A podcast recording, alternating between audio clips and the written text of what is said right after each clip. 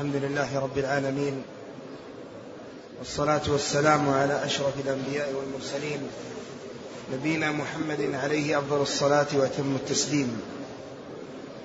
قال الإمام العلامة عبد الرحمن بن ناصر السعدي رحمه الله تعالى وغفر له وللشارح والسامعين في كتابه أصول العقائد الدينية.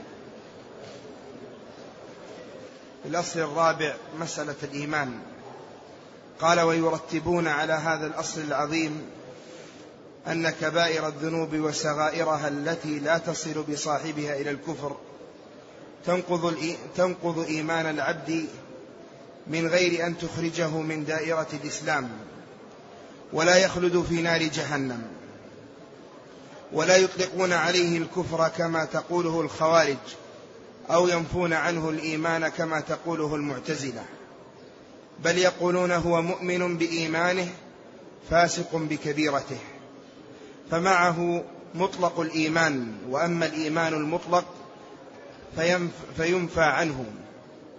وبهذه الأصول يحصل الإيمان بجميع نصوص الكتاب والسنة. نعم. الحمد لله رب العالمين. وأشهد وأشهد أن لا إله إلا الله وحده لا شريك له وأشهد أن محمدا عبده ورسوله صلى الله وسلم عليه وعلى آله وأصحابه أجمعين. أما بعد لا يزال الكلام ماضيا في بيان مسألة الإيمان. وقد سبق للمصنف رحمه الله أن بين فيما يتعلق بهذه المسألة أن الإيمان يشمل اعتقادات القلوب وأقوال اللسان وأعمال القلوب واللسان والجوارح. وبين كذلك تفاوت الناس في الإيمان وأنهم ليسوا فيه على رتبة واحدة فمنهم ظالم لنفسه ومنهم مقتصد ومنهم سابق بالخيرات.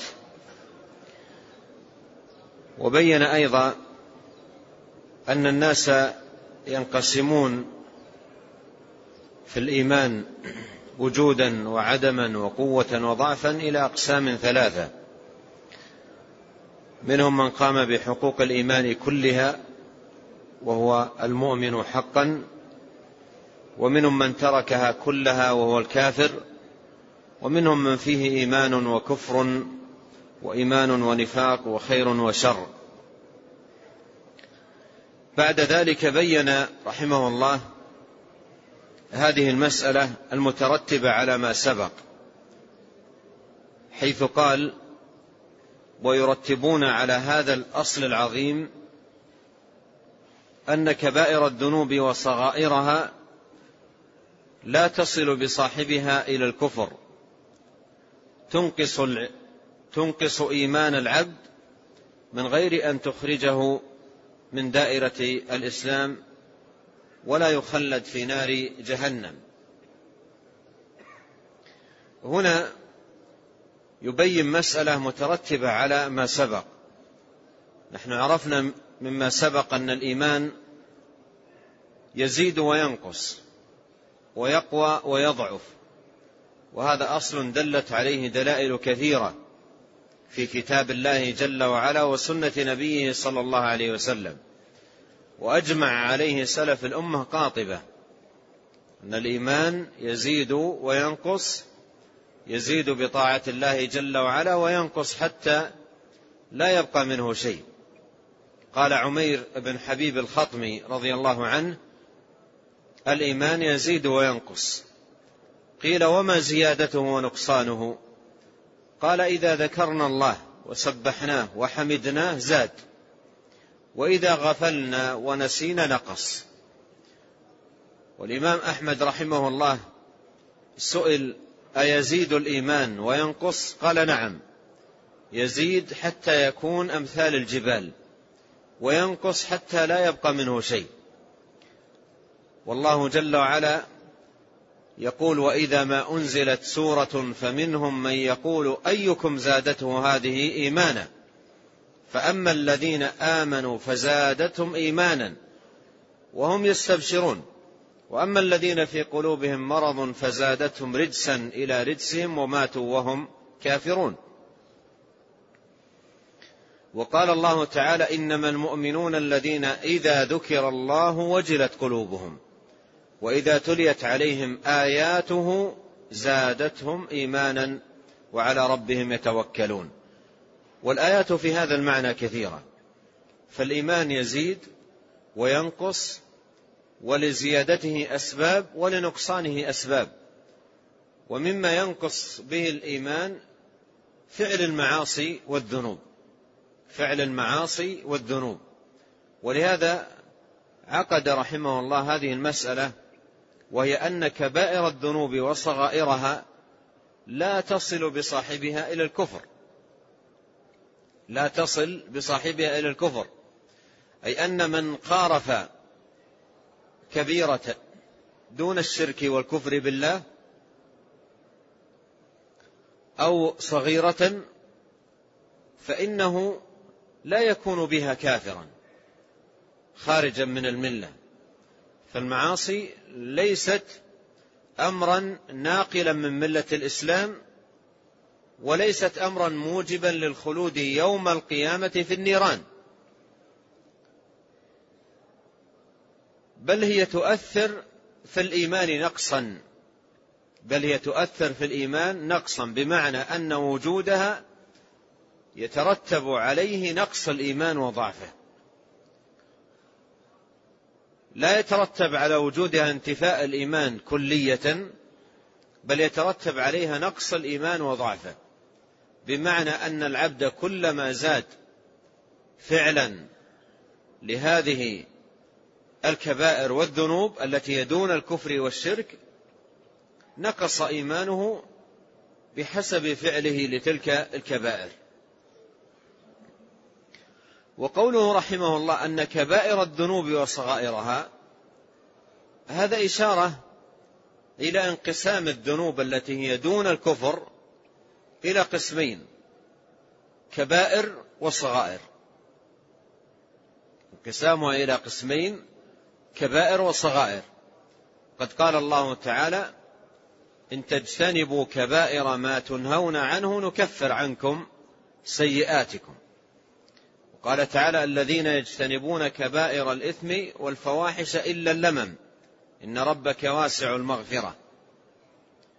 فالذنوب تنقسم إلى كبائر وصغائر. والكبيرة هي الذنب الذي توعد الله سبحانه وتعالى فاعله بالنار أو ذكر سبحانه وتعالى سخطه على فاعله أو لعن سبحانه وتعالى فاعله لأن اللعن لا يكون إلا على كبيرة. أو جاء في الحديث أو في النصوص نفي الإيمان عنه.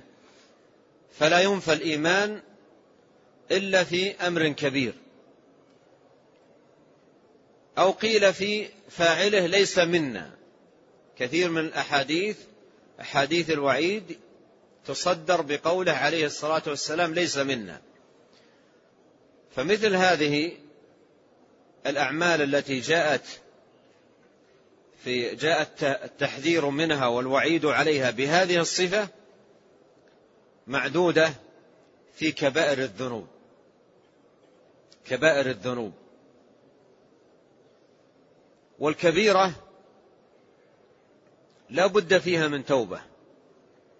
لا بد فيها من توبة. قال عليه الصلاة والسلام الصلوات الخمس والجمعة إلى الجمعة ورمضان إلى رمضان مكفرات لما بينهن ما اجتنبت الكبائر. ما اجتنبت الكبائر. أما الحسنات أما الصغائر فإن الحسنات تذهبها. إن الحسنات يذهبن السيئات. أتبع السيئة الحسنة تمحها والكبائر لا بد فيها من توبة. يتوب إلى الله توبة نصوحا من كل كبيرة اقترفها. من كل كبيرة اقترفها. وباب التوبة مفتوح وسيأتي حديث عن هذا الجانب عند المصنف رحمه الله تعالى. وكما قرر الشيخ رحمه الله تعالى الذنوب صغائرها وكبائرها التي هي دون الكفر والشرك بالله تؤثر في الإيمان نقصا. ولا تؤثر في الإيمان انتفاء وذهابا بل هي تنقص الإيمان وتضعف الإيمان. لكنها لا تبطل الإيمان بالكلية. هذا معنى قول الشيخ أن كبائر الذنوب وصغائرها التي لا تصل بصاحبها إلى الكفر التي لا تصل بصاحبها إلى الكفر. الذنوب التي تصل بصاحبها إلى الكفر هي الكفر بالله بأنواعه والشرك بالله بأنواعه والنفاق الأكبر النفاق الخالص. فهذه تنقل صاحبها من ملة الإسلام وتحبط أعماله كلها. قال الله تعالى ومن يكفر بالإيمان فقد حبط عمله. وقال ولقد أوحي إليك وإلى الذين من قبلك لئن أشركت ليحبطن عملك. وقال إن المنافقين في الدرك الأسفل من النار. أما الذنوب التي هي دون ذلك الذنوب التي هي دون ذلك فإنها تنقص إيمان العبد من غير أن تخرج من دائرة الإسلام. من غير أن تخرجه من دائرة الإسلام. بمعنى أن مرتكب الكبيرة التي هي دون الكفر يبقى مسلما. يبقى مسلما لا يكون بها كافرا بل هو يبقى مسلما. لكنه ليس مسلما كامل الإسلام أو كامل الإيمان بل هو مسلم ومؤمن ناقص الإيمان. لأن الكبائر أو الكبيرة التي اقترفها أنقصت إيمانه وأضعفت دينه فيكون مؤمنا ناقص الإيمان. أو مؤمنا فاسقا. أو مؤمنا بإيمانه فاسق بكبيرته. عبارات لأهل العلم مؤداها واحد. قال من غير أن تخرجه من دائرة الإسلام ولا يخلد في نار جهنم. ولا يخلد في نار جهنم. يعني إن دخل النار يوم القيامة بسبب هذه الكبائر والذنوب التي اقترفها فإنه لا يخلد في نار جهنم لأنه لا يخلد في النار يوم القيامة إلا الكفار المشركين. أما عصاة أهل الإيمان إن دخلوا النار بالمعاصي والذنوب والآثام فإنهم لا يخلدون يوم القيامة في النار بل يبقون فيها وقتا يبقون فيها وقتا يطهرون وينقون ويمحصون ثم يدخلون بعد ذلك إلى جنات النعيم. ولا يبقى مخلدا في النار أبد الآباد إلا الكفار. كما قال الله سبحانه وتعالى والذين كفروا لهم نار جهنم لا يقضى عليهم فيموتوا ولا يخفف عنهم من عذابها كذلك نجزي كل كفور وهم يصطرخون فيها. ربنا أخرجنا نعمل صالحا غير الذي كنا نعمل أولم نعمركم ما يتذكر فيه من تذكر وجاءكم النذير فذوقوا فما للظالمين من نصير. فهذه الآية وغيرها تدل على أن الذين يخلدون في النار أبد الآباد ولا ينالون رحمة من الله سبحانه وتعالى ولا مغفرة هم الكفار. الذين ماتوا ولقوا الله سبحانه وتعالى كفارا. قال جل وعلا إن الله لا يغفر أن يشرك به ويغفر ما دون ذلك لمن يشاء. وقال جل وعلا لا تفتح لهم أبواب السماء ولا يدخلون الجنة حتى يلج الجمل في سم الخياط. والآيات في هذا المعنى كثيرة. فالذي يخلد في النار هو المشرك. أما أهل الكبائر من أهل الإسلام أهل المعاصي من أهل الإسلام عصاة الموحدين هؤلاء إذا دخلوا النار فإنهم لا يخلدون فيها بل يبقون فيها وقتا وأمدا ثم يخرجون. ويكون خروجهم من النار ليس دفعة واحدة وإنما على دفع لأنهم متفاوتون في حجم وعدد الكبائر التي اقترفوها في هذه الحياة الدنيا. ولهذا جاء في الحديث أنهم يخرجون من النار ضبائر ضبائر أي جماعات جماعات أو دفعات دفعات. قال ولا يطلقون عليه الكفر. أي أهل السنة لا يطلقون الكفر على مرتكب الكبيرة. يعني من زنى أو سرق أو فعل غير ذلك من الكبائر لا يقولون هو كافر. لا يطلقون عليه كفر. لأن الكفر حكم شرعي والأمر فيه لله ولرسوله عليه الصلاة والسلام وليس لأحد أن يكفر هكذا بهواه وبدون دليل ولا مستند. من كتاب الله وسنة نبيه عليه الصلاة والسلام. والقرآن والسنة ليس فيهما ما يدل على أن مرتكب الكبيرة كافر بل فيهما دلائل كثيرة تدل على أن مرتكب الكبيرة ما زال مسلما في القرآن والسنة. القتل قتل المسلم أخاه بغير حق. هذه من كبائر الذنوب بل من أعظم الكبائر. قتل المسلم لأخيه بغير حق هذه من كبائر الذنوب بل هي من أعظم الكبائر. وقرن الله سبحانه وتعالى هذه الكبيرة مع الشرك في بعض الآيات. والذين لا يدعون مع الله إلها آخر ولا يقتلون النفس التي حرم الله. إلا بالحق ولا يزنون. فقتل النفس حرام وكبيرة من الكبائر. لكن من حصل منه ذلك؟ لا يخرج من الدين. لا يخرج من الدين. بل يبقى عنده أصل الإسلام. نعم دينه ينقص. وإيمانه يضعف ضعفا شديدا لكن لا يكون كافرا بمجرد الكبيرة. إن لم يكن قد ارتكب كفرا ناقلا من الملة أو استحل ما حرم الله عليه أو نحو ذلك من المكفرات وإلا بمجرد الكبيرة لا يكون كافرا.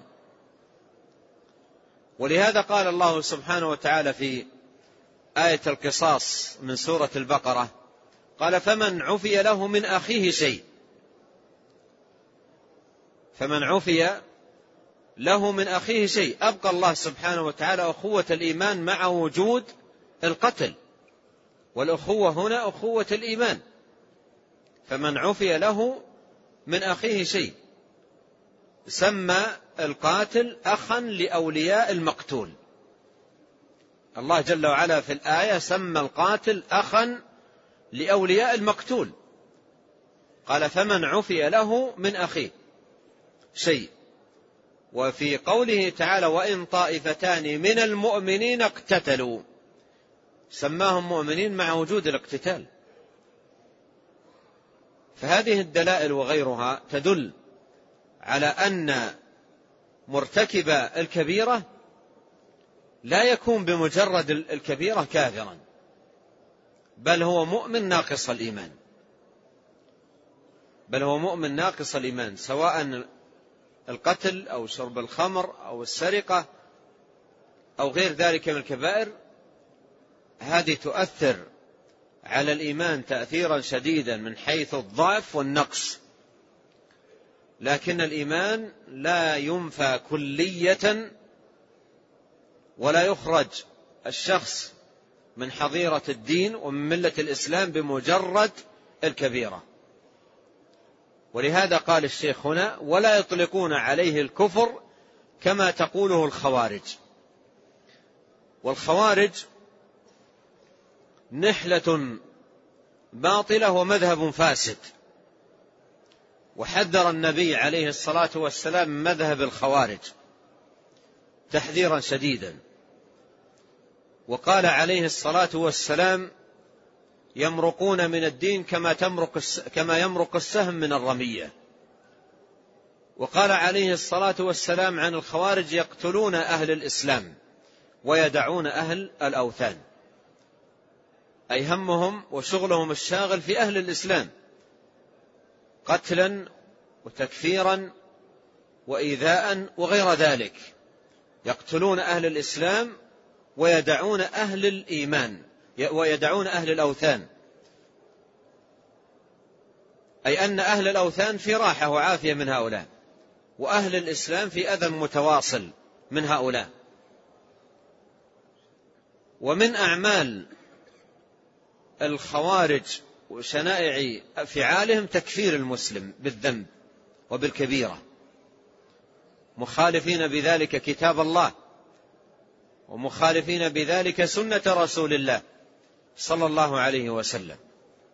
وليس في القرآن ولا في السنة ما يدل على تكفير مرتكب الكبيرة بل فيهما من الدلائل والشواهد والبراهين على أن مرتكب الكبيرة باقيا على أصل الإسلام وليس كافرا بمجرد كبيرته. ولهذا قال الشيخ ولا يطلقون عليه الكفر كما تقوله الخوارج. أي لا يطلقون على مرتكب الكبيرة بمجرد الكبيرة الكفر لا يقولون هو كافر. أو ينفون عنه الإيمان كما تقوله المعتزلة. المعتزلة فرقة أخرى ضالة. وهم ينفون الإيمان عن مرتكب الكبيرة.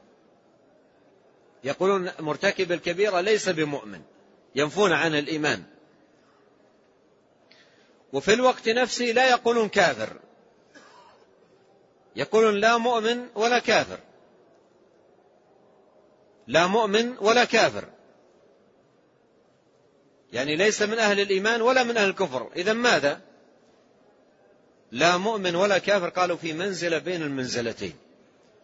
وهذه من بدع وشنائع المعتزلة وهي قولهم في مرتكب الكبيرة أنه في منزلة بين المنزلتين أي بين منزلة الكفر ومنزلة الإيمان أحدثوا ذلك. هذا حكمه هذا اسمه في الدنيا وحاله في الدنيا. الخوارج يقولون هو كافر والمعتزلة يقولون هو في منزلة بين المنزلتين. وحكمه عند الفرقتين يوم القيامة أنه مخلد في النار. خوارج والمعتزلة كل منهم يقول إن مرتكب الكبيرة مخلد يوم القيامة في النار. ولهذا طردا لهذا المذهب نفوا الشفاعة لأهل الكبائر. قول النبي صلى الله عليه وسلم شفاعتي لأهل الكبائر من أمتي. شفاعتي لأهل الكبائر من أمتي. وقال عليه الصلاة والسلام لكل نبي دعوة مستجابة. وإني ادخرت دعوتي شفاعة لأمتي يوم القيامة. وإنها نائلة إن شاء الله من لا يشرك بالله شيئا. وإنها نائلة إن شاء الله من لا يشرك بالله شيئا. والحديث في صحيح مسلم. قال وإنها نائلة إن شاء الله من لا يشرك. طيب الذي لم يشرك لكنه وقع في معصية وقع في كبائر دون الشرك تناله أو لا تناله؟ فأولئك طردا لمذهبهم نفوا الشفاعة.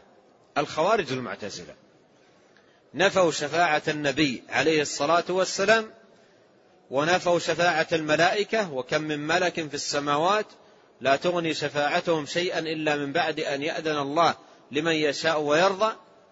ونفوا شفاعة الصالحين من عباد الله كل ذلك نفوا. نفوا الشفاعة لأهل الكبائر. لماذا؟ لأن مرتكب الكبيرة عندهم خارج من الإيمان ويوم القيامة مخلد في النيران.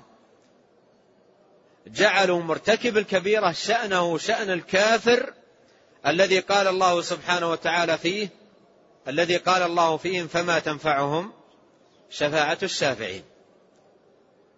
جعلوا العصاة عصاة الموحدين أهل الكبائر من أهل التوحيد والكفار الخلص سواء كلهم ينطبق عليهم قول الله تعالى فما تنفعهم شفاعة الشافعين. وهذا ضلال. وإبطال لنصوص كثيرة تدل على الشفاعة. يخرج الله سبحانه وتعالى من النار أقواما. يأمر الملائكة أن تشفع فيشفعون ويخرج سبحانه من النار. ويأمر الأنبياء أن يشفعوا ويأذن لهم فيشفعون. ويخرج سبحانه وتعالى من شاء من النار. ويأمر الصالحين من عباده فيشفعون ويخرج سبحانه وتعالى من شاء من النار. ثم يخرج برحمته سبحانه وتعالى بدون شفاعة. من النار أقواما قد امتحشوا. والحديث في صحيح البخاري. وفي مسلم وفي غيرهما. هذا كله أبطل هؤلاء.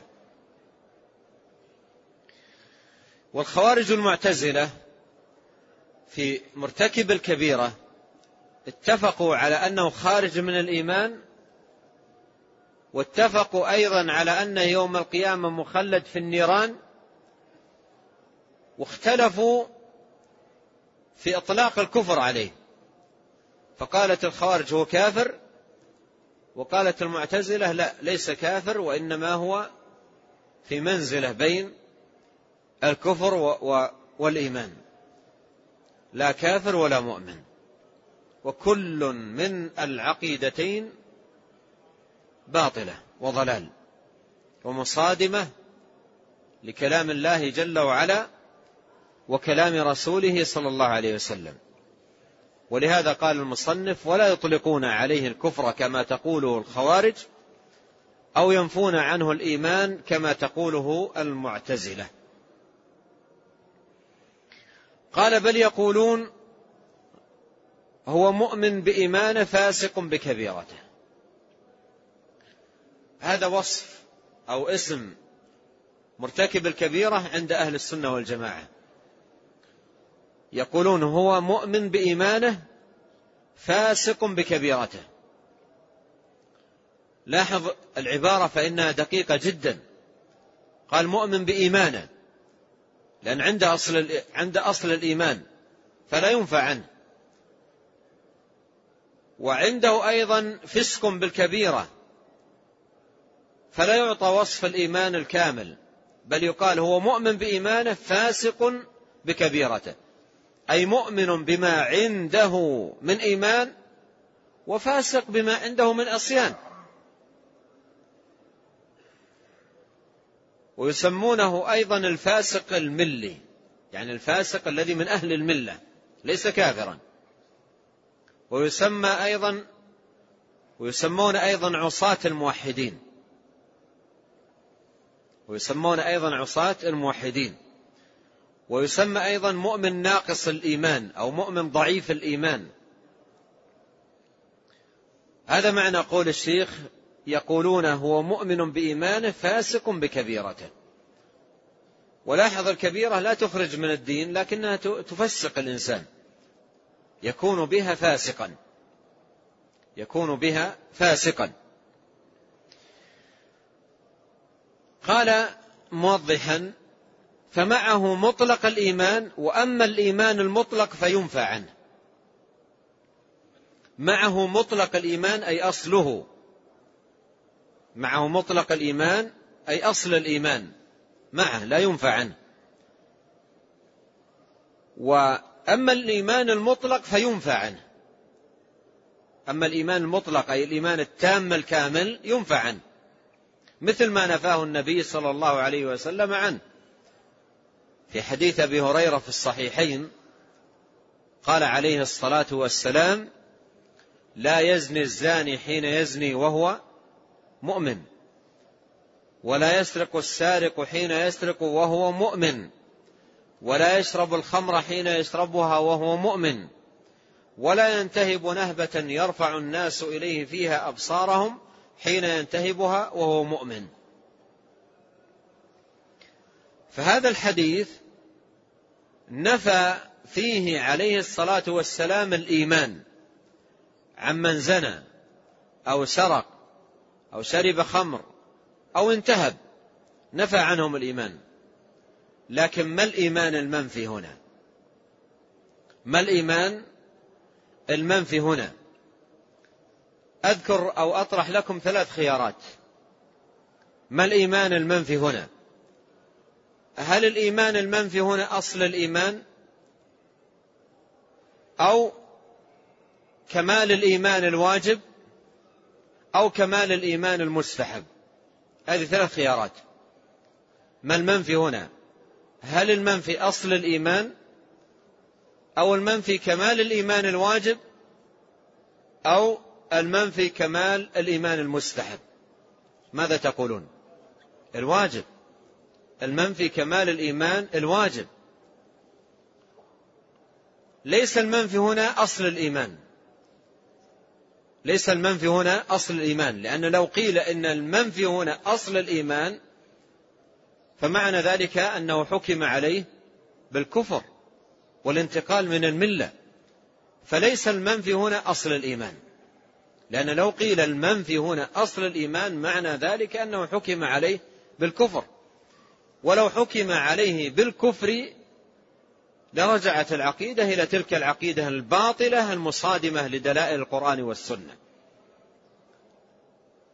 ودلائل القرآن والسنة متضافرة على عدم تكفير مرتكب الكبيرة. يعني مثلا شارب الخمر. الرجل الذي أتي به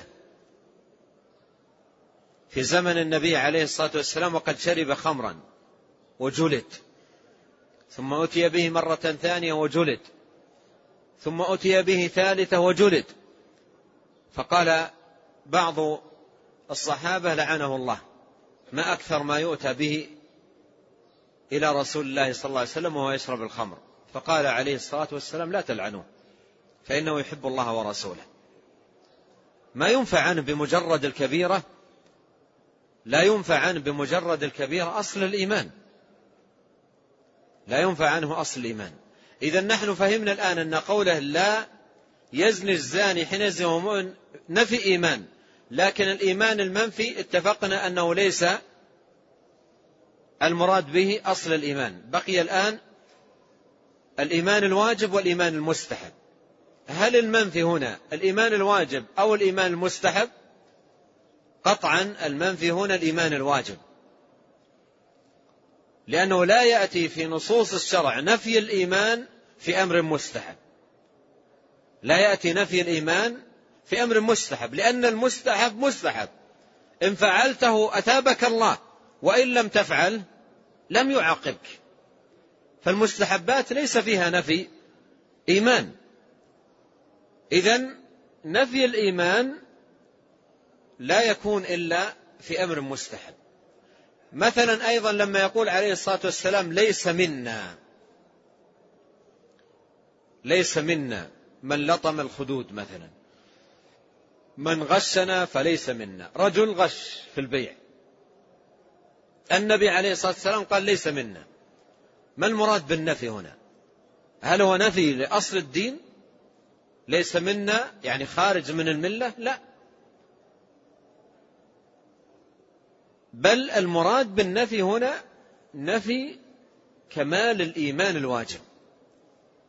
المراد بالنفي هنا في مثل هذه النصوص ونظائر ونظائرها نفي كمال الإيمان الواجب. هذا هو المراد. فيقول الشيخ فمعه مطلق الإيمان وأما الإيمان المطلق فينفى عنه. معه مطلق الإيمان أي عنده أصل الإيمان موجود مع أنه مرتكب للكبيرة أصل الإيمان موجود. إذا كان ارتكابه للكبيرة مجرد فعل لها. لكن ما رأيكم في شخص استحل الخمر قال هي حلال. أو استحل الزنا قال هو حلال. استحل ما حرم الله. هذا ما حكمه هذا يذهب عن أصل الإيمان. لأن استحلال ما حرم الله ناقل من الملة. حتى وإن لم يشرب خمرا ولا مرة واحدة. حتى وإن لم يزني ولا مرة واحدة. إن استحل ما حرم الله فهذا ينتقل من الملة. أما شخص يقع في هذه المعاصي ويعرف أنه عاصي ولكن غلبته نفسه وغلبته وغلبته شهوته وغلبته نفسه الأمارة بالسوء وقع في هذه المعاصي. وإذا قيل له يقول أدعو الله أن يهديني وأن يتوب علي أنا مبتلى بهذه الأمور.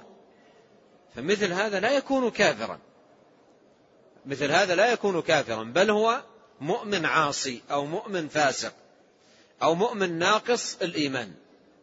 هذا معنى قول الشيخ فمعه مطلق الإيمان وأما الإيمان المطلق فينفى عنه. الإيمان المطلق أي الكامل.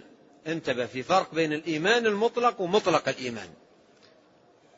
مطلق الإيمان الذي هو أصل الإيمان هذا ثابت له.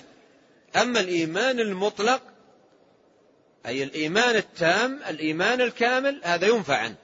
مثل ما نفاه النبي صلى الله عليه وسلم عنه. ينفى عنه الإيمان الكامل والمراد بالإيمان الكامل أي الواجب الكمال الواجب. لأن الكمال في الإيمان كمالان. كمال واجب وكمال مستحب. الكمال الواجب درجة المقتصدين والكمال المستحب درجة المقربين. فمنهم ظالم لنفسه ومنهم مقتصد ومنهم سابق بالخيرات. المقتصد هو الذي أتى بكمال الإيمان الواجب. والسابق بالخيرات هو الذي زاد على كمال الإيمان الواجب بأن أتى بكمال الإيمان المستحب. ومن فرط في واجب من الواجبات أو فعل محرما من المحرمات لا يكون به كافرا يكون في درجة الظالم لنفسه ولا يكون كافرا. ظالما لنفسه بالمعاصي والذنوب ولا يكون كافرا. ولهذا هؤلاء الأقسام الثلاثة فمنهم ظالم لنفسه ومنهم مقتصد ومنهم سابق بالخيرات كلهم قال الله عنهم جنات عدن يدخلونها.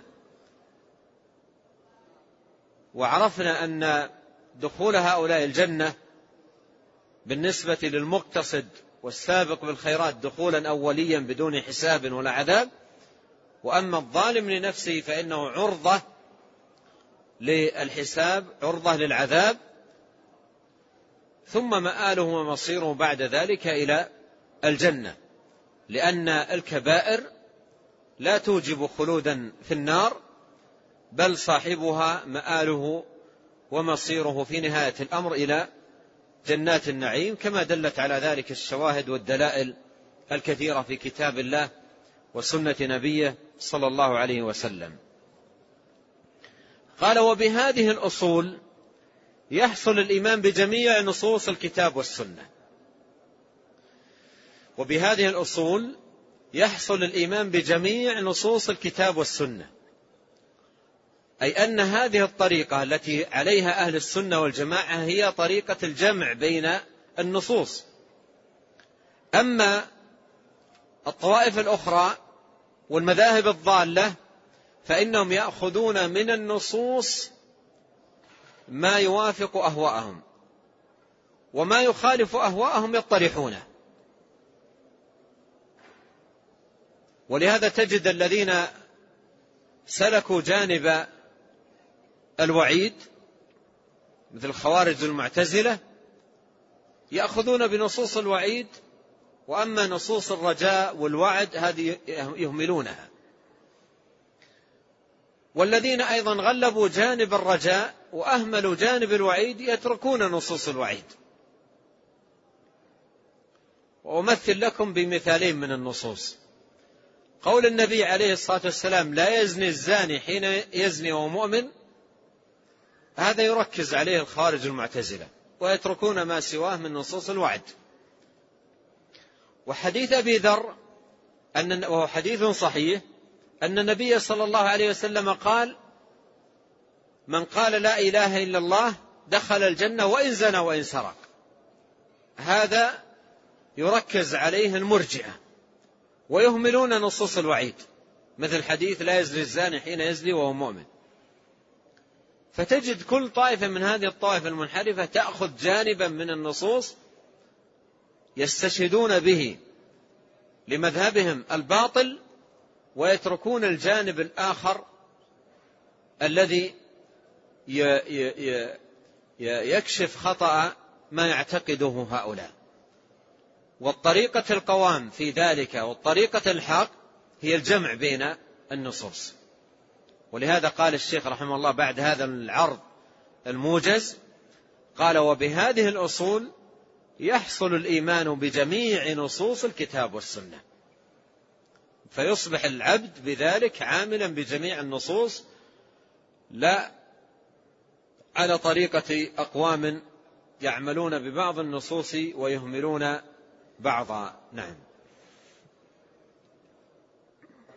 قال رحمه الله تعالى ويترتب على هذا الأصل أن الإسلام يجب ما قبله وأن التوبة تجب ما قبلها وأن من ارتد ومات على ذلك فقد حبط عمله ومن تاب تاب الله عليه. قال رحمه الله ويرتبون على ذلك أي على ما سبق أن الإسلام يجب ما قبله. أن الإسلام يجب ما قبله. يجب ما قبله أي يهدم ما قبله يمسح ما قبله. لو أن رجلا عاش كافرا من عمره ستين سنة ثم أسلم. ثم أسلم دخل في الدين. دخوله في الإسلام يهدم كل ما كان قبله. قد جاء في صحيح مسلم في قصة إسلام عمرو بن العاص. في قصة إسلام عمرو بن العاص رضي الله عنه. وعمرو بن العاص أسلم هو وخالد بن الوليد في وقت واحد ودخلوا على النبي صلى الله عليه وسلم في وقت واحد. كانوا ثلاثة جاءوا من مكة مسلمين. اثنين خالد ومعه آه، آه، شخص آخر والتقى بعمر في الطريق توافق معهم في الطريق وكلهم خرجوا بنية الإسلام. ووصلوا إلى المدينة فسبقهم خالد إلى النبي عليه الصلاة والسلام. ثم عمرو بن العاص. فمد عمرو يده إلى النبي عليه الصلاة والسلام ليبايعه عن على الإسلام. ليبايعه على الإسلام. فسأل النبي صلى الله عليه وسلم عن أعماله الكثيرة وآثامه الكثيرة. ما شأنها؟ قال أما علمت أن الإسلام يهدم ما كان قبله. والحديث في صحيح مسلم. قال أما علمت أن الإسلام يهدم ما كان قبله فالإسلام يهدم كل ما كان قبله من من الذنوب. وهذا أصل من الأصول المتقررة عند أهل السنة. من كان كافرا وفعل ذنوبا كثيرة ولو كان من جملة الذنوب ولو كان من جملة الذنوب قتل قتل المسلمين وقتالهم. ولو كان من جملة الذنوب قتل المسلمين وقتالهم ومجابهة المسلمين في مع صفوف الكفار.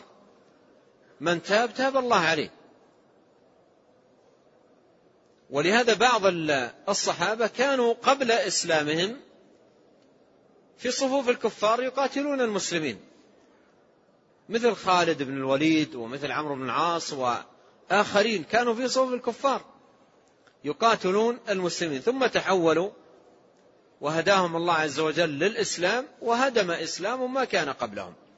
ولهذا قال عليه الصلاة والسلام عجب الله لرجلين كلاهما يدخل آه، الجنة يقتل أحدهما صاحبه كلاهما يدخل الجنة. كلاهما يدخل الجنة. ثم بين ذلك. أن يكون أحدهما كافرا فيقتل وهو في صوب الكفار يقتل المسلمين أو بعض المسلمين ثم يهتدي ويسلم ويهدم إسلامه ما كان قبله ويدخل هو ومن قتلهم في الجنة. الذي قتل حمزة عم النبي. الذي قتل حمزة عم النبي. وهو وحشي. آه، مولى جبير بن مطعم. رماه بسهم في مقتل فمات.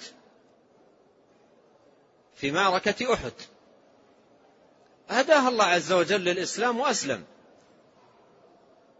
وذهب مع صفوف المسلمين الذين يقاتلون مسيلمة الكذاب مدعي النبوة. وقتل هو بنفسه مسيلمة الكذاب. رماه بسام كان يجيد. النبل والرمي فرمى مسيلمة في مقتل فمات. وقال قتلت في جاهلية خير أهل الإسلام وقتلت في إسلامي شر أهل الجاهلية. فمن أسلم مهما كانت جرائمه وذنوبه وأعماله وتاب تاب الله سبحانه وتعالى عليه. إذا تاب تاب الله سبحانه وتعالى عليه. إذا شرح الله صدر الإسلام وتاب تاب الله عليه والتوبة تهدم ما كان قبلها.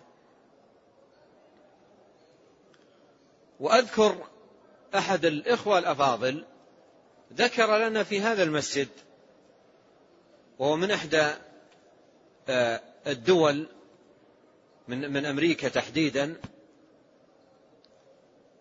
يقول أرسل ورقة. يقول إن جدتي عمرها فوق التسعين سنة. ونحن منذ سنوات طويلة نحاول معها في الإسلام وتأبى. يقولون في الورقة يقولون نبشركم أنها أسلمت وعاشت بعد إسلامها ثلاثة أيام. عاشت بعد إسلامها ثلاثة أيام. يعني أكثر من تسعين سنة على الكفر ثلاثة أيام في الإسلام. التوبة تهدم ما كان قبلها. ولو كان الذي بقي الإنسان من الدنيا أيام قليلة. ومثلها القصة التي أوردها ابن كثير في تفسير قوله تعالى الذين آمنوا ولم يلبسوا إيمانهم بظلم. أولئك لهم الأمن وهم مهتدون. قصة الرجل الذي جاء إلى النبي صلى الله عليه وسلم وكان الرجل على دابته على بعيره فعرض عليه النبي صلى الله عليه وسلم أمور الإسلام فقال أقررت. لما قال هذه الكلمة أقررت ساخت قدم ناقته أو بعيره في حفرة جرذان فسقط فمات. مات مسلما. مات على الإسلام. وحظ من الإسلام أقررت فقط. وحياته كلها كفر. وحظه من الإسلام أقرر ثم مات. فالإسلام يهدم ما كان قبله. قد قال عليه الصلاة والسلام إن أحدكم ليعمل بعمل أهل النار حتى ما يكون بينه وبينها إلا ذراع فيسبق عليه الكتاب فيعمل بعمل أهل الجنة فيدخلها. فإذا من الأصول المتكررة عند أهل السنة أن الإسلام يهدم ما كان قبله. أن الإسلام يهدم ما كان قبله. والحج يهدم ما كان قبله. الحج المبرور ليس له جزاء إلا الجنة. من حج ولم يرفث ولم يفسق رجع من ذنوبه كيوم ولدته أمه. فالتوبة تهدم ما كان قبلها والحج يهدم ما كان قبله. وجمع عليه الصلاة والسلام بين هذه في حديث عمرو ابن العاص في صحيح مسلم. قال وأن التوبة تجب ما قبلها لأن من تاب تاب الله عليه. والله سبحانه وتعالى يقبل التوبة من عباده ويعفو عن السيئات مهما كانت الذنوب. لا يتعاظمه سبحانه وتعالى ذنب أن يغفره. قل يا عبادي الذين أسرفوا على أنفسهم لا تقنطوا من رحمة الله إن الله يغفر الذنوب جميعا. فهو عز وجل يقبل توبة التائبين. بل إنه سبحانه وتعالى مع كمال غناه عن العباد وعن توباتهم وعباداتهم وطاعاتهم مع ذلك فهو يفرح جل وعلا كما أخبر بذلك نبيه صلى الله عليه وسلم يفرح بتوبة التائبين. جاء في الحديث الصحيح أن النبي صلى الله عليه وسلم قال لله أشد فرحا بتوبة عبده إذا تاب من أحدكم. أظل ناقته بفلات وعليها طعامه وشرابه حتى إذا يئس منها أوى إلى ظل شجرة. فاستظل بظلها ينتظر الموت. فبينما هو كذلك إذا بخطام ناقته عند رأسه. فأمسك بخطام ناقته وقال من شدة الفرح اللهم أنت عبدي وأنا ربك. أخطأ من شدة الفرح. يقول عليه الصلاة والسلام لله أشد فرحا بتوبة عبده من هذا براحلته. مع أنه سبحانه وتعالى غني. عن توبة التائبين. لا تنفعه توبة من تاب ولا طاعة من أطاع ولا إنابة من أناب ولا تضره معصية من عصى. كما قال جل وعلا في الحديث القدسي يا عبادي لو أن أولكم وآخركم وإنسكم وجنكم كانوا على أتقى قلب رجل منكم ما زاد ذلك في ملك شيئا. ولو أن أولكم وآخركم وإنسكم وجنكم كانوا على أفجر قلب رجل منكم ما نقص ذلك من ملك شيئا.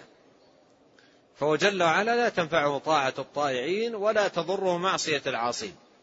من اهتدى فإنما يهتدي لنفسه ومن ضل فإنما يضل عليها ولا تزر وازرة وزر أخرى.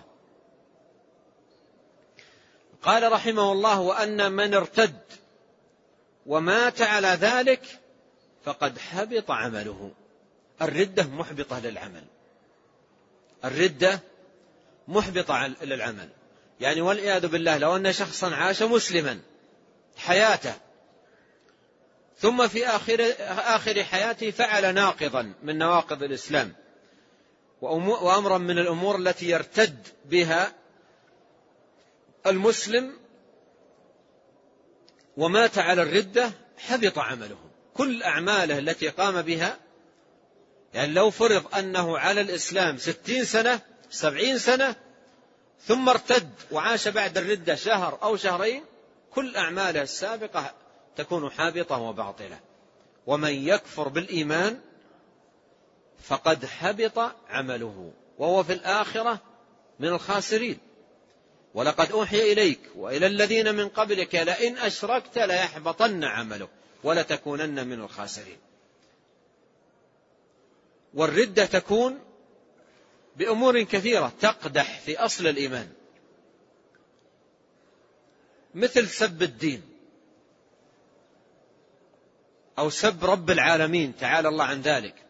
بعض الناس في بعض المجتمعات على لسانه سب الدين أو سب الله مثل السلام عليكم. هذه ردة. محبطة للأعمال. والله لا يقبل الله منه لا صلاة ولا صيام ولا بر والدين ولا صدقات ولا أي عمل. هذه ناقل من الملة. مخرج من الدين. لا ينفع معه عمل. سب الدين أو سب الله أو سب النبي عليه الصلاة والسلام أو الاستهزاء بالدين. قل أبالله وآياته ورسوله. كنتم تستهزئون. لا تعتذروا. قد كفرتم بعد إيمانكم.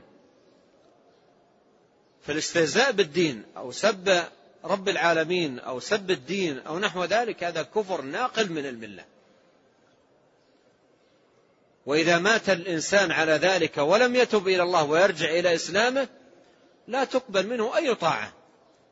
قال الله تعالى وقدمنا إلى ما عملوا من عمل فجعلناه هباء منثورا. فجعلناه هباء منثورا. فهذا من الأمور الناقضة من الناقضة الإسلام. أيضا صرف العبادة لغير الله. مثل دعاء غير الله أو الذبح لغير الله أو النذر لغير الله أو الاستغاثة بغير الله أو غير ذلك من الأعمال التي هي صرف للعبادة. العبادة حق لمن؟ حق لله وأن المساجد لله. فلا تدعو مع الله أحدا. إن الله لا يغفر أن يشرك به. ويغفر ما دون ذلك لمن يشاء. فالأمور التي تنقض الإيمان وتقدح في أصله كثيرة. فإذا فعلها الإنسان ومات عليها يموت مرتدا ومن مات مرتدا حبطت أعماله كلها وبطلت كلها. ثم أتبع ذلك رحمه الله بقوله ومن تاب تاب الله عليه. يعني لو فرض أن شخصا ارتد لكن تاب تاب من ردته. تاب الله عليه وبقيت له أعماله لا تحبط أعماله لأن الردة المحبطة للعمل تاب منها فيبقى عمله له. حتى العمل الذي كان قبل الردة يبقى له إذا تاب. لكن إن مات على الردة إن مات كافرا جميع أعماله برمتها ولو كانت عدد الرمل كلها تبطل كلها تذهب هباء منثورا لكن إن تاب من ردته صادقا مع الله سبحانه وتعالى في توبته تاب الله سبحانه وتعالى عليه. والله سبحانه وتعالى يقبل التوبة مهما كان الذنب ولو كان الذنب كفرا أو ردة أو غير ذلك من الذنوب من تاب من ذنبه تاب الله سبحانه وتعالى عليه. هذا من من ضمن الشواهد على التوبة وقبولها. الرجل الذي قتل مئة نفس أو قتل تسعة وتسعين نفسا ثم سأل عابد ليس عنده علم. قال إنني قتلت تسعة وتسعين نفسا. هل لي من توبة؟ قال لا ليس لك توبة. تسعة وتسعين نفس ليس لك توبة. فقتل العابد كمل به المئة. ثم أخذ يبحث عن أعلم أهل الأرض فدلوه على عالم. قال إنه قتل مئة نفس. هل له من توبة؟ قال ومن يحول بينك وبينها اذهب إلى أرض كذا وكذا واعبد الله معهم واتجه الرجل. وفي منتصف الطريق جاءت منيته فتنازع فيه ملائكة الرحمة وملائكة العذاب. هؤلاء يقولون جاء تائبا وهؤلاء يقولون هذا قتل مئة نفس.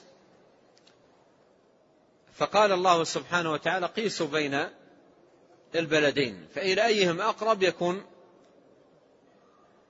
فكان أقرب إلى الأرض التي ذهب إليها فقبضت روحه ملائكة الرحمة وكما جاء في الحديث.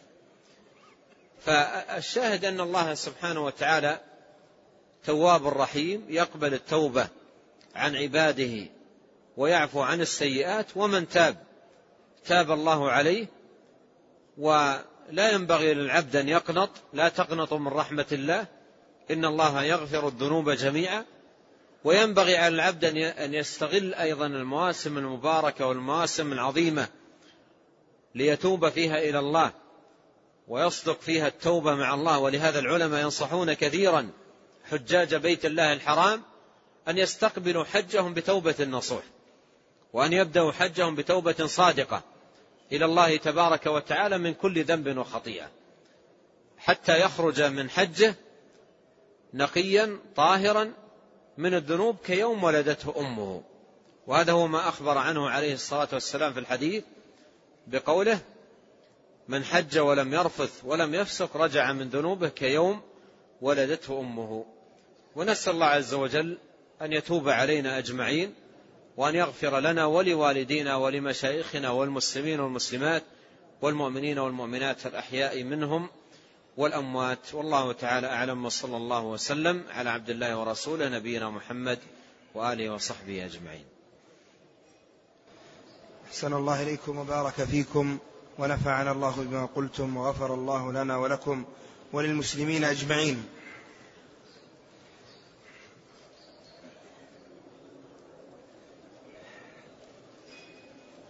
أحسن الله إليكم. هذا السائل يقول ما نصيحتكم في من يخوض في من يخوض فيما شجر بين الصحابة الكرام فيستمع لبعض الأشرطة أو يقرأ في ذلك؟ من الأصول المتقررة عند أهل السنة والجماعة سلامة القلوب وسلامة الألسن تجاه أصحاب النبي عليه الصلاة والسلام. بحيث تبقى القلوب تجاه الصحابة نظيفة وتبقى الألسن تجاه الصحابة سليمة. واجتمع هذان الأمران في قوله تعالى والذين جاءوا من بعدهم يقولون ربنا اغفر لنا ولإخواننا الذين سبقونا بالإيمان ولا تجعل في قلوبنا غلا للذين آمنوا. ففي الآية ذكر لسلامة اللسان وسلامة القلب. سلامة اللسان ربنا اغفر لنا ولإخواننا الذين سبقونا بالإيمان. وسلامة القلب ولا تجعل في قلوبنا غلا للذين آمنوا. والصحابة هم خير أمة محمد عليه الصلاة والسلام. وهم داخلون دخولا أوليا. في قوله تعالى كنتم خير أمة أخرجت للناس. وفي قوله عليه الصلاة والسلام خير الناس قرني ثم الذين يلونهم ثم الذين يلونهم. والله عز وجل عدلهم في القرآن وشهد لهم بالفضل وعدلهم رسوله عليه الصلاة والسلام. ولهذا لا يجوز لمسلم أن يخوض فيما شجر بين الصحابة. وأن ينصب نفسه حكما. ليس له ذلك. بل يكون سليم القلب سليم اللسان تجاه أصحاب النبي الكريم عليه الصلاة والسلام. والأمور التي حصلت بينهم أو شجرت بين الصحابة الأمر فيها كما قال عليه الصلاة والسلام إذا اجتهد الحاكم فأصاب فله أجران وإذا اجتهد فأخطأ فذنبه مغفور وله له أجر وذنبه مغفور. له أجر على اجتهاده وذنبه مغفور. أحد السلف سئل عن ما شجر بين الصحابة قال تلك أمة قد خلت لها ما كسبت ولكم ما كسبتم ولا تسألون عما كانوا يعملون. فليس لأحد أن يخوض فيما شجر بين أصحاب النبي صلى الله عليه وسلم إلا إن كان أراد بذلك الذب عن الصحابة والدفاع عن الصحابة فهذا لا بأس به. وقد قال عليه الصلاة والسلام إذا ذكر أصحابي فأمسكوا. إذا ذكر أصحابي فأمسكوا حديث ثابت.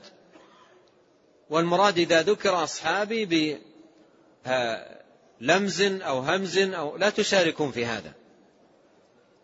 لكن إذا ذكرت مناقب الصحابة وفضائل الصحابة فهذا باب مبارك يدخل فيه الإنسان وهو من أبواب الخير الذي اعتنى به أهل العلم. نعم. أيضا يقول في سؤاله الثاني يقول شيخنا هناك من دعاة الإعلام اليوم من يقول للناس أن أمة محمد صلى الله عليه وسلم لن يكون فيها الشرك. لقوله صلى الله عليه وسلم ما الشرك أخشى عليكم. ولقوله صلى الله عليه وسلم إن الشيطان قد يئس أن يعبده المصلون في جزيرة العرب.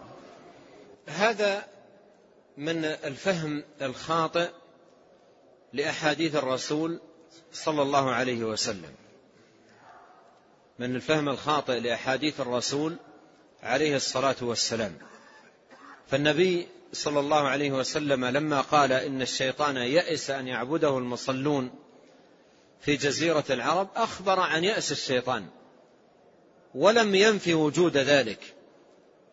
لم ينفي وجود الشرك أو أن أو أن الشرك سيوجد لم ينفي ذلك وإنما أخبر عن يأس الشيطان أن يعبده المصلون في جزيرة العرب وذلك لما ظهر رأى ظهور الإسلام وقوة الدين وانتشار الإسلام لحقه يأس أن يعبده المصلون في جزيرة العرب. لكنه مع هذا اليأس الذي وجد فيه لم يقف عن الإغواء والإضلال. ووجد أيضا له أتباع فيما يدعو إليه من الشرك بالله سبحانه وتعالى. ولهذا جاء في أحاديث صحيحة صريحة تدل على أن الشرك سيوجد حتى في الجزيرة. مثل قوله عليه الصلاة والسلام لا تقوم الساعة حتى يعبد فئام من أمة الأوثان. لا تقوم الساعة حتى يعبد فئام من أمة الأوثان. فئام أي جماعات. هذا صريح. وهو في سنن أبي داود وثابت عن النبي عليه الصلاة والسلام من حديث ثوبان. وثبت عنه صلى الله عليه وسلم أنه قال لا تقوم الساعة حتى تضطرب إليات نساء دوس على ذي الخلصة وذي الخلصة صنم. تضطرب إليات نساء دوس أن يطفن على ذي الخلصة مثل ما كان يفعل المشركون. والأحاديث في هذا المعنى عنه صلوات الله وسلامه عليه كثيرة. وقال في الحديث لتتبعن سنن من كان قبلكم شبرا شبرا ذراعا ذراعا حتى لو دخلوا جحر ضب لدخلتموه. والذين قبلنا كان عندهم الشرك ولم يكن. قال لتتبعن سنن من كان قبلكم شبرا شبرا ذراعا ذراعا حتى لو دخلوا جحر ضب لدخلتموه. فالشرك باقي والواجب على المسلم أن يكون دائما خائفا منه وحذرا منه. والنبي صلى الله عليه وسلم حذر أصحابه منه وخوفهم منه في أحاديث كثيرة. جاءهم مرة وهم يتذاكرون فتنة الدجال.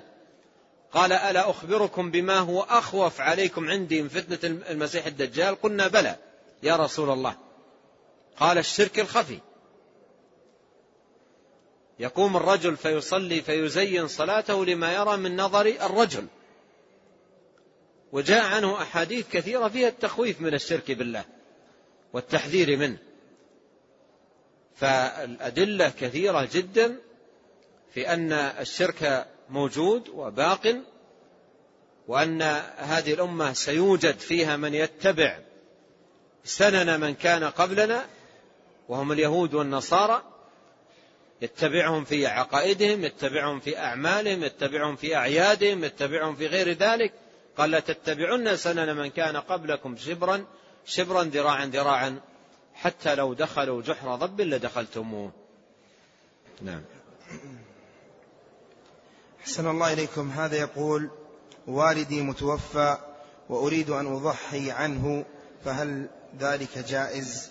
هذه صدقة صدقة عن الوالد وهي تنفع بإذن الله تبارك وتعالى وأنت تؤجر على ذلك. نعم. أيضا يقول هناك من يقول يكفي للتوحيد عشرة دقائق أو متن صغير يدرس. فهل هذا صحيح؟ الآن كثرت الشبهات وكثر دعاة الضلال وأثير في الناس شبهات كثيرة جعلت الأمر عندهم في عماية وأدخلتهم في ضلال. يعني الآن مثلا سمعنا قبل قليل قول من يقول إن الشرك لن يوجد. هذه شبهة تروج عند بعض العوام والجهال. ثم إذا قيل لهم أن الشرك لن يوجد يصبح عنده شيء من الأمان وعدم الخوف من الشرك لأنه لن يوجد. فيصبح الرجل آمن. فيبدأ يعمل أعمال شركية ويقول الحمد لله الشرك لن يوجد ولا وليس للشرك وجود. فمثل هذه الشبهات وهي كثيرة جدا تثار ويقرر فيها الباطل ويضلل فيها العوام فأصبح الأمر لا يكفيه إلا أوقات طويلة جدا يصرفها الإنسان في تعلم الاعتقاد. أما في زمن النبي عليه الصلاة والسلام والفطر آه، آه، قريبة والعقول آه، قريبة والأفهام سديدة وأهل اللسان لم تختلط اللغة باللغات فإذا بين لهم عليه الصلاة والسلام أمور الإيمان وأصوله في لحظات فهموها واقتنعوا فيها. أما الآن مع كثرة الشبهات وكثرة الصوارف وكثرة الصواد تبقى يبقى الأمر يحتاج إلى بيان وبيان وإيضاح. وأيضا يحتاج إضافة إلى ذلك إلى تجديد مستمر للإيمان. لأن الأمور التي تضعف الإيمان وتنقص الإيمان في زماننا كثيرة جدا. من خلال القنوات ومن خلال الانترنت ومن خلال المجلات ومن خلال ومن خلال أمور كثيرة. والنبي عليه الصلاة والسلام قال إن الإيمان لا يخلق في جوف أحدكم كما يخلق الثوب. فاسألوا الله أن يجدد الإيمان في قلوبكم. نعم. أحسن الله إليكم. هذا يقول سنسافر اليوم إن شاء الله إلى مكة. كيف يتم الجمع بين الحلق أو التقصير عند التحلل؟ وعدم أخذ من شيء من الشعر عند دخول العشرة من ذي الحجة. يقول عليه الصلاة والسلام إذا رأيتم هلال ذي الحجة وأراد أن يضحي وأراد أحدكم أن يضحي فلا يمسن من شعره وأظافره شيئا. هذا الحكم خاص بمن أراد أن يضحي والأضحية غير الهدي. غير الهدي الذي قال الله سبحانه وتعالى عنه فمن تمتع بالعمرة إلى الحج فما استيسر من الهدي. الأضحية تذبح في البلد يذبحها الإنسان عنه وعن أولاده وأهل بيته. فمن أراد أن يضحي ودخلت العشر لا يجوز له أن يأخذ من أظفاره وشعره شيئا. لا يجوز له. يحرم عليه. يحرم عليه ذلك. إلا إذا أدى العمرة الذي هو المتمتع أدى العمرة وأراد أن يتحلل فيأخذ من شعر رأسه لأن هذا نسك وواجب من واجبات العمرة فيأخذ من شعره ليتحلل ولا يزيد لا يأخذ من أظفاره وإنما يأخذ فقط من شعر رأسه ويقصر أيضا لا يحلق لأن الحج يكون قريب العهد. فيقصر من شعر رأسه وهذا نسك وهو واجب عليه ولا ولا ولا يكون منافيا للحديث لأن هذا واجب لا, لا تتم العمرة إلا به. نعم. أحسن الله إليكم. هذا يقول الولد الذي بلغ سن التمييز هل يجوز له أن يكون ولي لأمه؟ يكون وليا لأمه. ولو كان لا يعرف أمور الرجال. الذي بلغ سن التمييز ولم يصل إلى سن البلوغ لا يكون وليا ولا يكون محرما لأنه غير مكلف ولم ولم يبلغ سن التكليف. ولهذا لا يكون وليا ولا يكون أيضا محرما. ولا يحل امرأة تؤمن بالله واليوم الآخر أن تسافر مع غير ذي محرم. ولو سافرت مع ولد صغير بلغ سن التمييز ولم يصل إلى سن البلوغ لا تكون آه، قد سافرت مع محرم. فالشاهد أن من لم يبلغ لا يكون وليا ولا يكون محرما. نعم.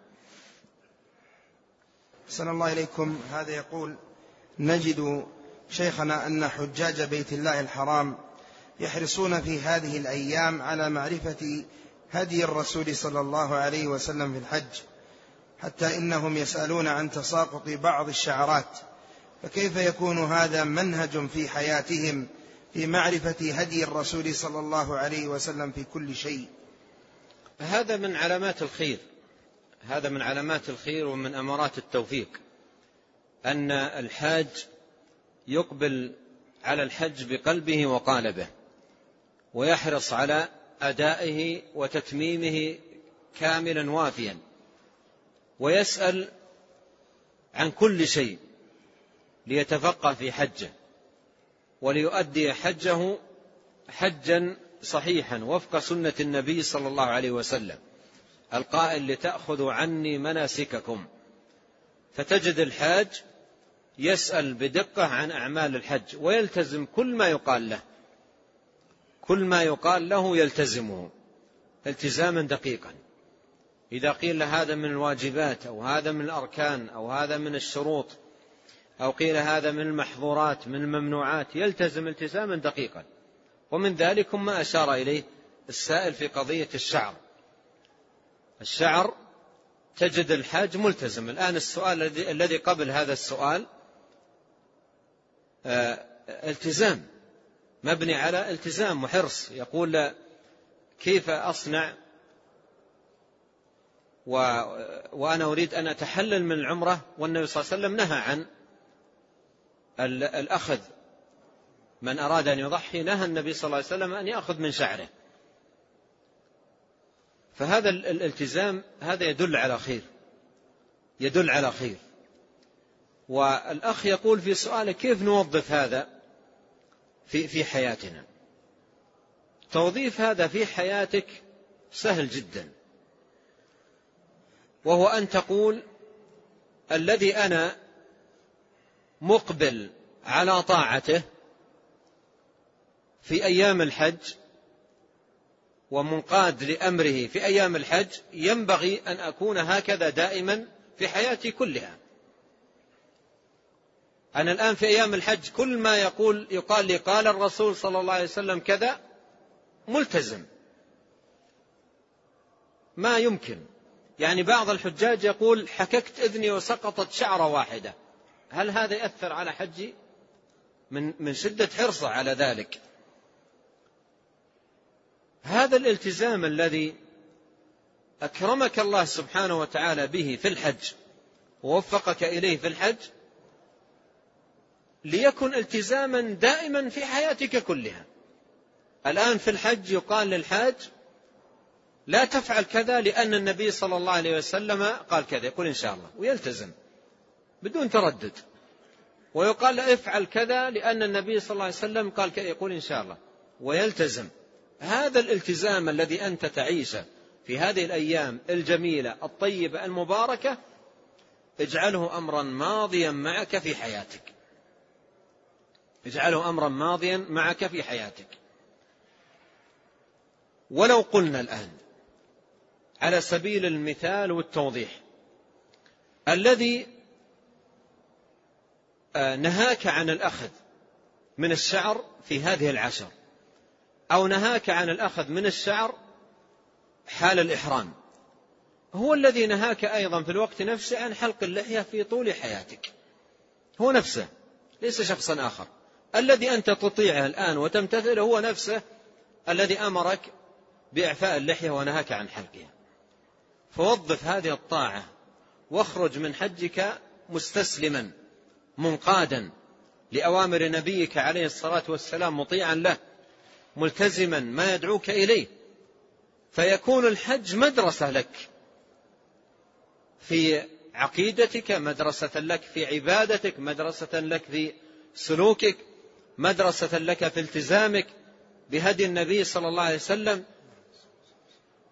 الذي يأمرك بهذه الأوامر في الحج وأنت منقاد تماما ممتثل تماما هو الذي قال وفروا اللحى أرخوا اللحى أسدلوا اللحى اكرموا اللحى اعفوا اللحى. مثل ما أنت الآن في أيام الحج تقول إن شاء الله أيضا في حياتك كلها قل إن شاء الله.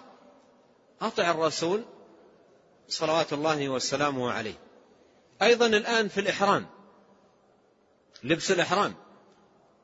الحاج حرص شديد جدا على الالتزام بهدي النبي صلى الله عليه وسلم في الإحرام. وتجد أسئلة كثيرة تتوالى على أهل العلم في الحج. ما حكم إذا لبست الحزام وفي خيط؟ وما حكم إذا لبست الحذاء وفي خيط؟ وما حكم إذا لبست الرداء وفي إزرار؟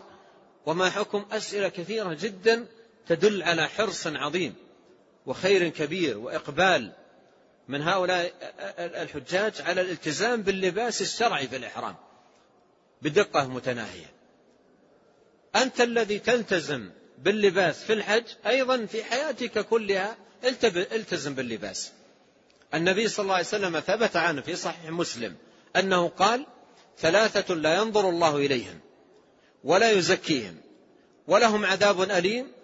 ذكر منهم المسبل الذي يسبل إزاره وقال ما أسفل الكعبين من الإزار ففي النار. وجاء أحاديث كثيرة جدا في الوعيد على إسبال الإزار. فيا من التزم أيام الحج باللباس الشرعي ممتثلا ومنقادا ومنشرحة نفسه لذلك مقبلة عليه أيضا التزم بما نهاك النبي صلى الله عليه وسلم عنه من أن تسبل إزارك وتوعد على ذلك وعيدا شديدا. قال ما أسفل الكعبين من الإزار ففي النار. وقال ثلاثة لا ينظر الله إليهم ولا يكلمهم ولا يزكيهم ولهم عذاب أليم. وذكر منهم المسبل أي المسبل إزارة. فالواجب على المسلم أن يوطد نفسه على الطواعية والامتثال لهدي الرسول عليه الصلاة والسلام. ونسأل الله العظيم رب العرش العظيم بأسماء الحسنى وصفاته العلى أن يشرح صدورنا أجمعين للخير. وأن يوفقنا لاتباع السنة وأن يهدينا إليه صراطا مستقيما وأن يصلح لنا شأننا كله وأن يجعلنا هداة مهتدين. من الذين يستمعون القول فيتبعون أحسنه وأن يعلمنا ما ينفعنا وأن ينفعنا بما علمنا وأن يزيدنا علما وأن يصلح لنا شأننا كله. إنه تبارك وتعالى ولي التوفيق. والسداد وهو حسبنا ونعم الوكيل والله تعالى أعلم وصلى الله وسلم على عبد الله ورسوله نبينا محمد وآله وصحبه أجمعين.